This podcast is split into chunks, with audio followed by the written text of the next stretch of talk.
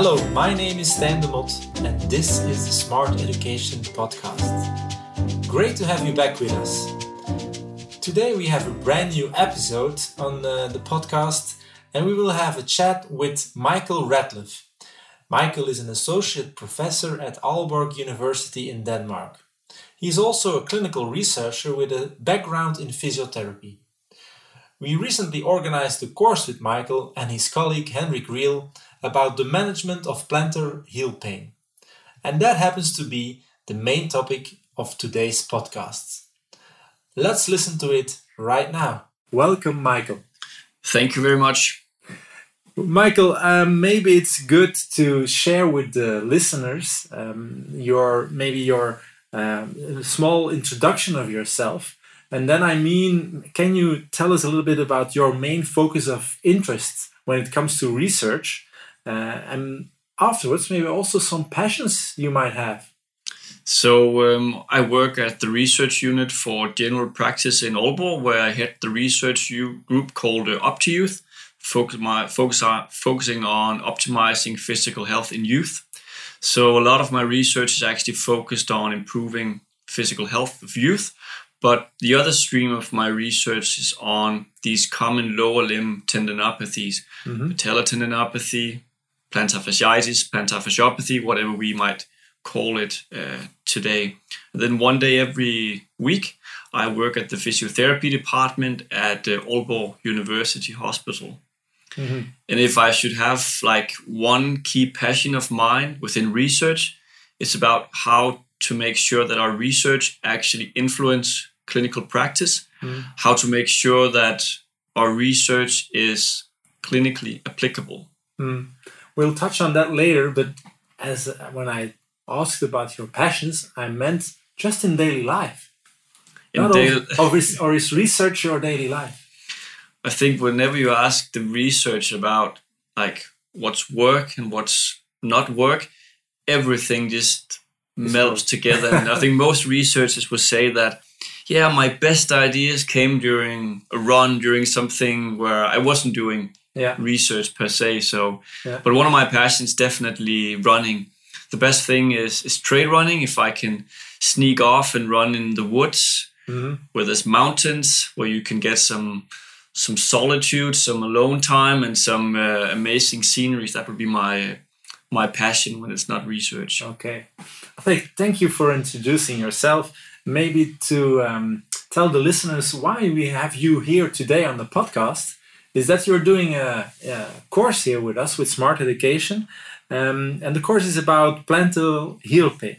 Um, we're very um, glad that you wanted to share with us some other uh, interests uh, about the plantar heel pain.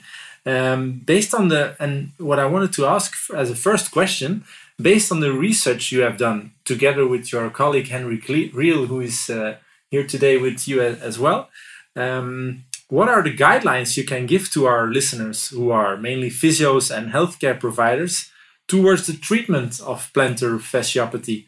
Um, so, can you give us a please give us a, a few rules of thumb that you mentioned today in the in the course as well? I think for me, who's um, been interested in for a number of years, the biggest change is that we start to think of this as um, instead of passive intervention, like only insoles, we start to think of it more as a tendinopathy in some way that we need mm. to also expose the plantar fascia to loads that the whole current thinking about how we manage tendinopathies also apply to plantar fasciopathy.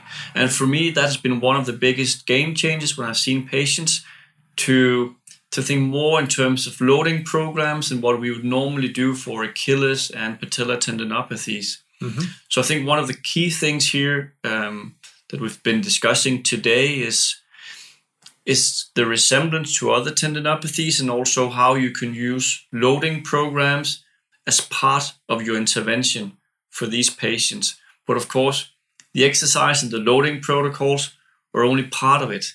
Mm-hmm. The second part is the whole education side of things and the load management. Mm-hmm. I like the idea that we have these Susan and John, two prototypical uh, cases that mm-hmm. went on through the day, where John was this young sports active runner who's increased his training volume quite dramatically during the last four weeks.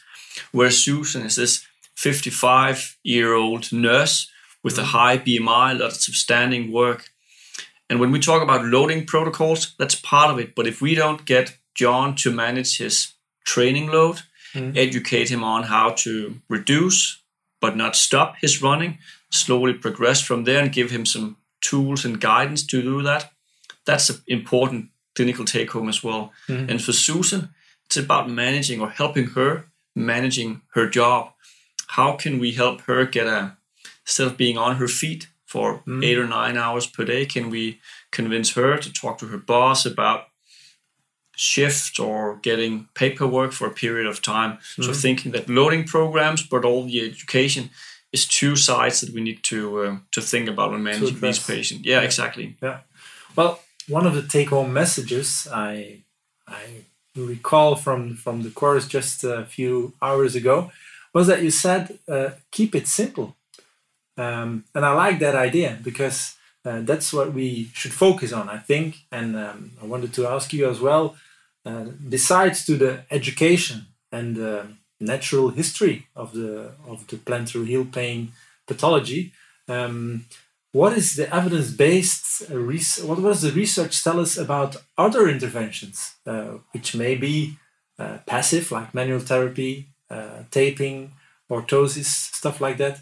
And um, please tell us what, what is your besides keeping it simple uh, what could you recommend us uh, by other with with other um, treatment options i should say I think in general, um, and maybe this is also my bias as a researcher and a clinician, I would always favor the active approaches. My aim would always be to both exercise, but also giving the patients to the tools how to how to self manage their condition. So basically saying it's up to you. I want to give you the tools, but you're the one that needs to change behavior, needs to do these things to manage your pain complaint. So I would always favor this active approach, mm-hmm. not only exercises, but in general, an active approach. The passive interventions, which also have evidence for their efficacy, they have their place in the they do, and treatment plan I think you we touched upon it today as well, but insoles, and mm-hmm. we know that insoles, at least for the short term, is superior to placebo. We also have a quite good understanding that it doesn't seem to matter what kind of insoles you give people, if it's prefabricated heel cups, cheap, 10 euros, 5 euros, or if you go for more expensive um, orthotics that are customized, Mm. doesn't appear to be a, a difference extra in value yeah, exactly. And that's that's one of the interventions where I think we should go for the simple, cheap approach as well. And we also have evidence for the short-term effect of, of taping. Mhm. And I think that's you know, if, if you have this runner who's just so keen on running his 5K or his 10K in a couple of weeks, I think taping is one of these Mhm. options which provides good, immediate, acute pain relief as well. Maybe will allow him to to run it better compared to compared to not. Well, and what is important is that they you can keep them active. You can keep them running.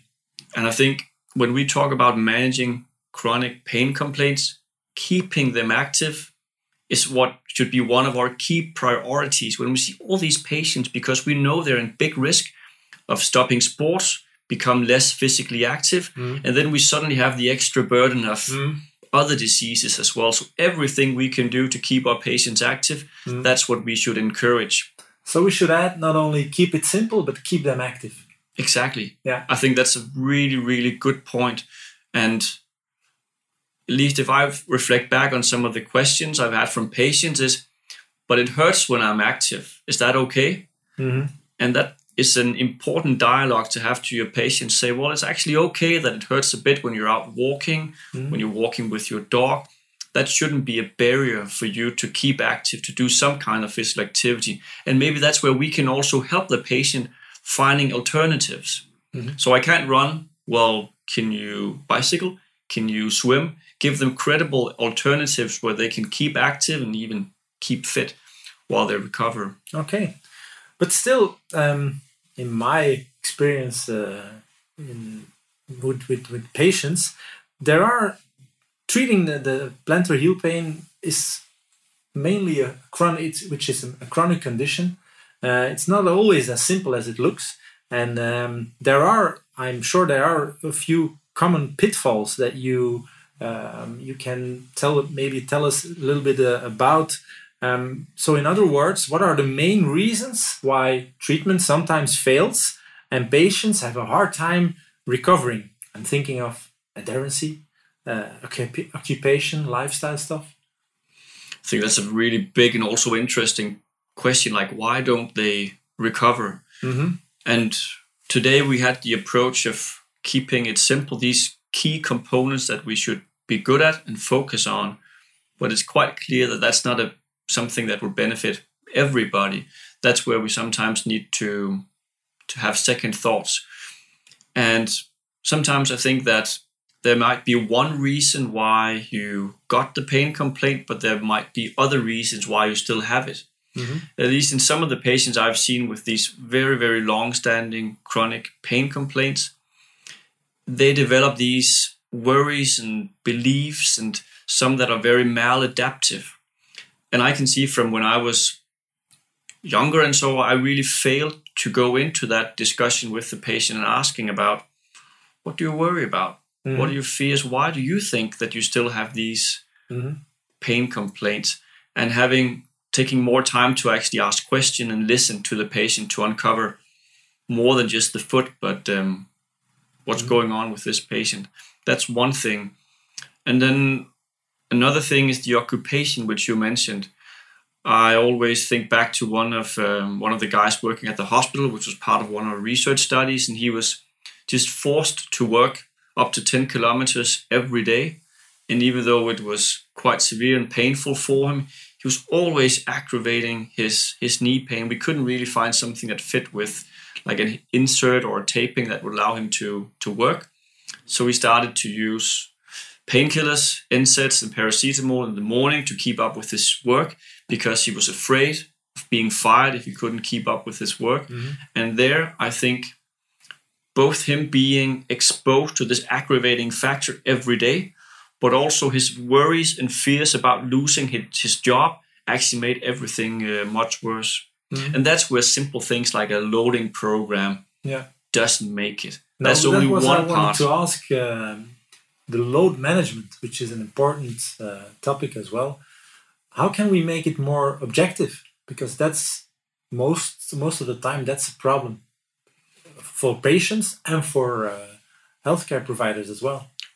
I, I totally agree, and um, one of the ways we've tried to to make it more concrete when we say reduce load and then build up slowly again, which is an advice I've given a lot of time, is to to make this activity ladder, which was basically developed for kids with patellofemoral pain. But I think the whole principle, the whole principle about having different um, different activities on a on a ladder, going from something that's quite easy, and then say to the patient, you can progress to the next step when your symptoms are below a certain threshold, and then teaching them how to get back based on their perception of symptoms. So, more clearly say when they can progress to the next activity. Also, for running, for example, could be one way to more objectify um, the reduce and then slowly build up again based on symptoms. Mm-hmm. Okay, very nice. Well, maybe we can uh, move on to another topic I wanted to address uh, since we have you here on this podcast.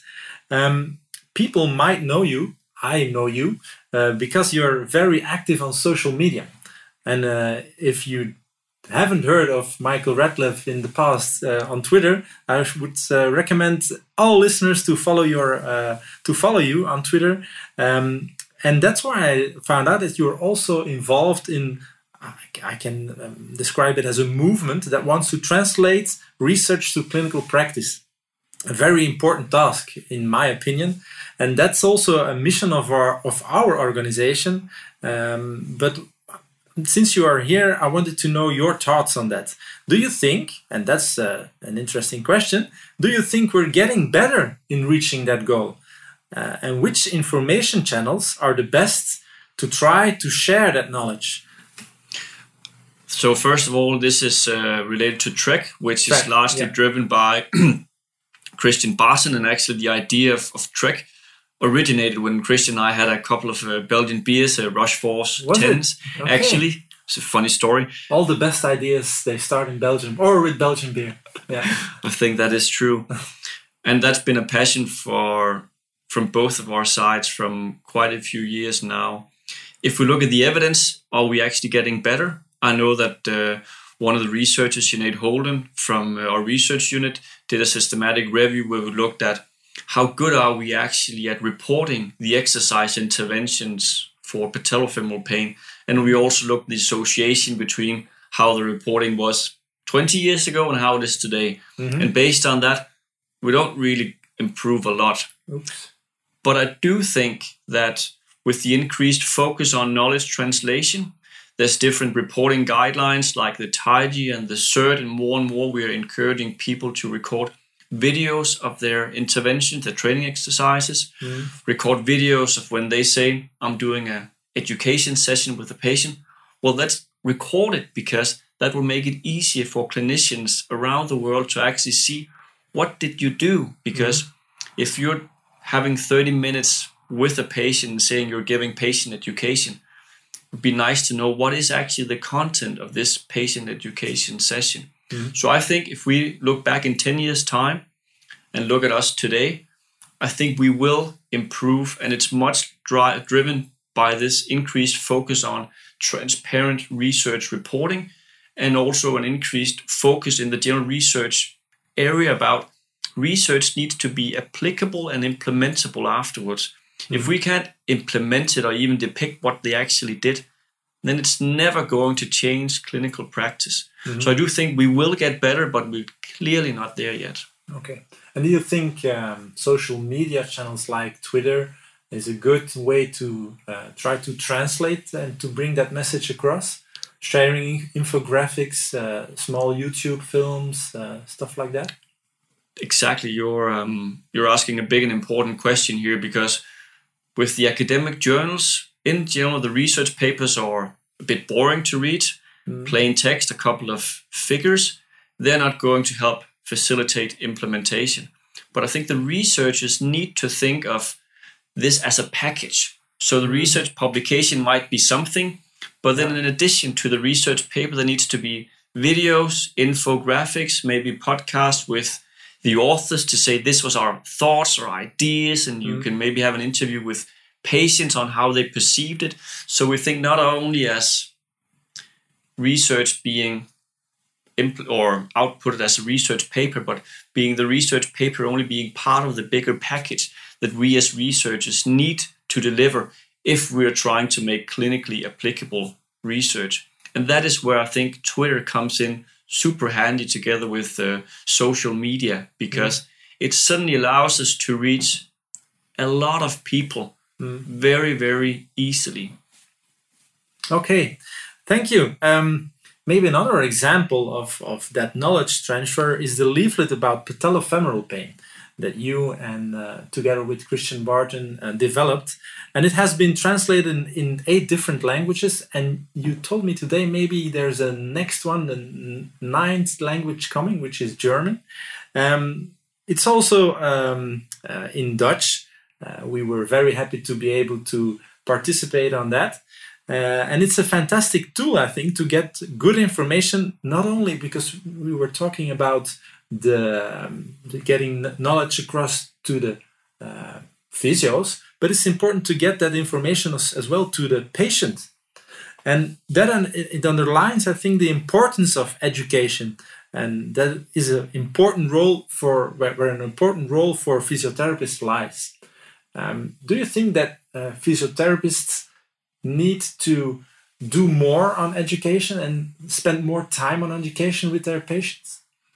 I definitely think we shouldn't underestimate the role of education and start to perceive ourselves as not just doing massage or not just prescribing exercises. Massage, what is that? Massage?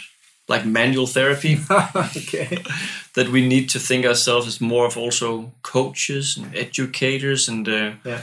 but i think we also need to know what are the tools that we need to convey information to the patients and also make the patients transform this knowledge into changed behaviors That's where I think these leaflets, apps, whatever, there's a whole area of new um, Tools. tools that we can we can use to actually facilitate this. And I think the patellofemoral pain leaflet is a good example. And we're coming up with uh, new leaflets. We have some coming for Osgood-Schlatter, some a new one specifically for kids with knee pain and plantar heel pain uh, as well. So that's one of the ways we want to translate our knowledge as well to provide something meaningful for therapists and uh, patients. Okay. Well, I invite all listeners to give us just an email, sending it to info at smarteducation.be, and we will be very happy to send them some of those leaflets which they can use in their own practice. And we'll be happy to uh, participate in translating new leaflets. So uh, feel free to uh, share that with us, and we will help to get this message across. As I said, which, which is already, already also a very big uh, mission statement for, for us at Smart Education. Uh, wrapping it up here, uh, Michael, we need to head to the city center because we're hungry. Um, I would love to thank you uh, a lot, um, and not only you, but also Henrik, uh, your colleague, for being here with us today, sharing your knowledge, and also sharing it with our listeners. And I hope to see you, uh, let's say, next year for another podcast and some more information about education and exercise. Thank you very much. Thank you. So, we've reached the end of this podcast with Michael Rathleff. We hope you found it interesting, and we believe that you can take something out of it to use in your daily practice as a physiotherapist. We invite you to have listened to one of our other episodes, and we ask you to stay tuned in because there's a lot more coming. Please follow us on Twitter, Instagram, and Facebook, and our website for all the courses we deliver in Belgium and the Netherlands. See you soon! Thank you.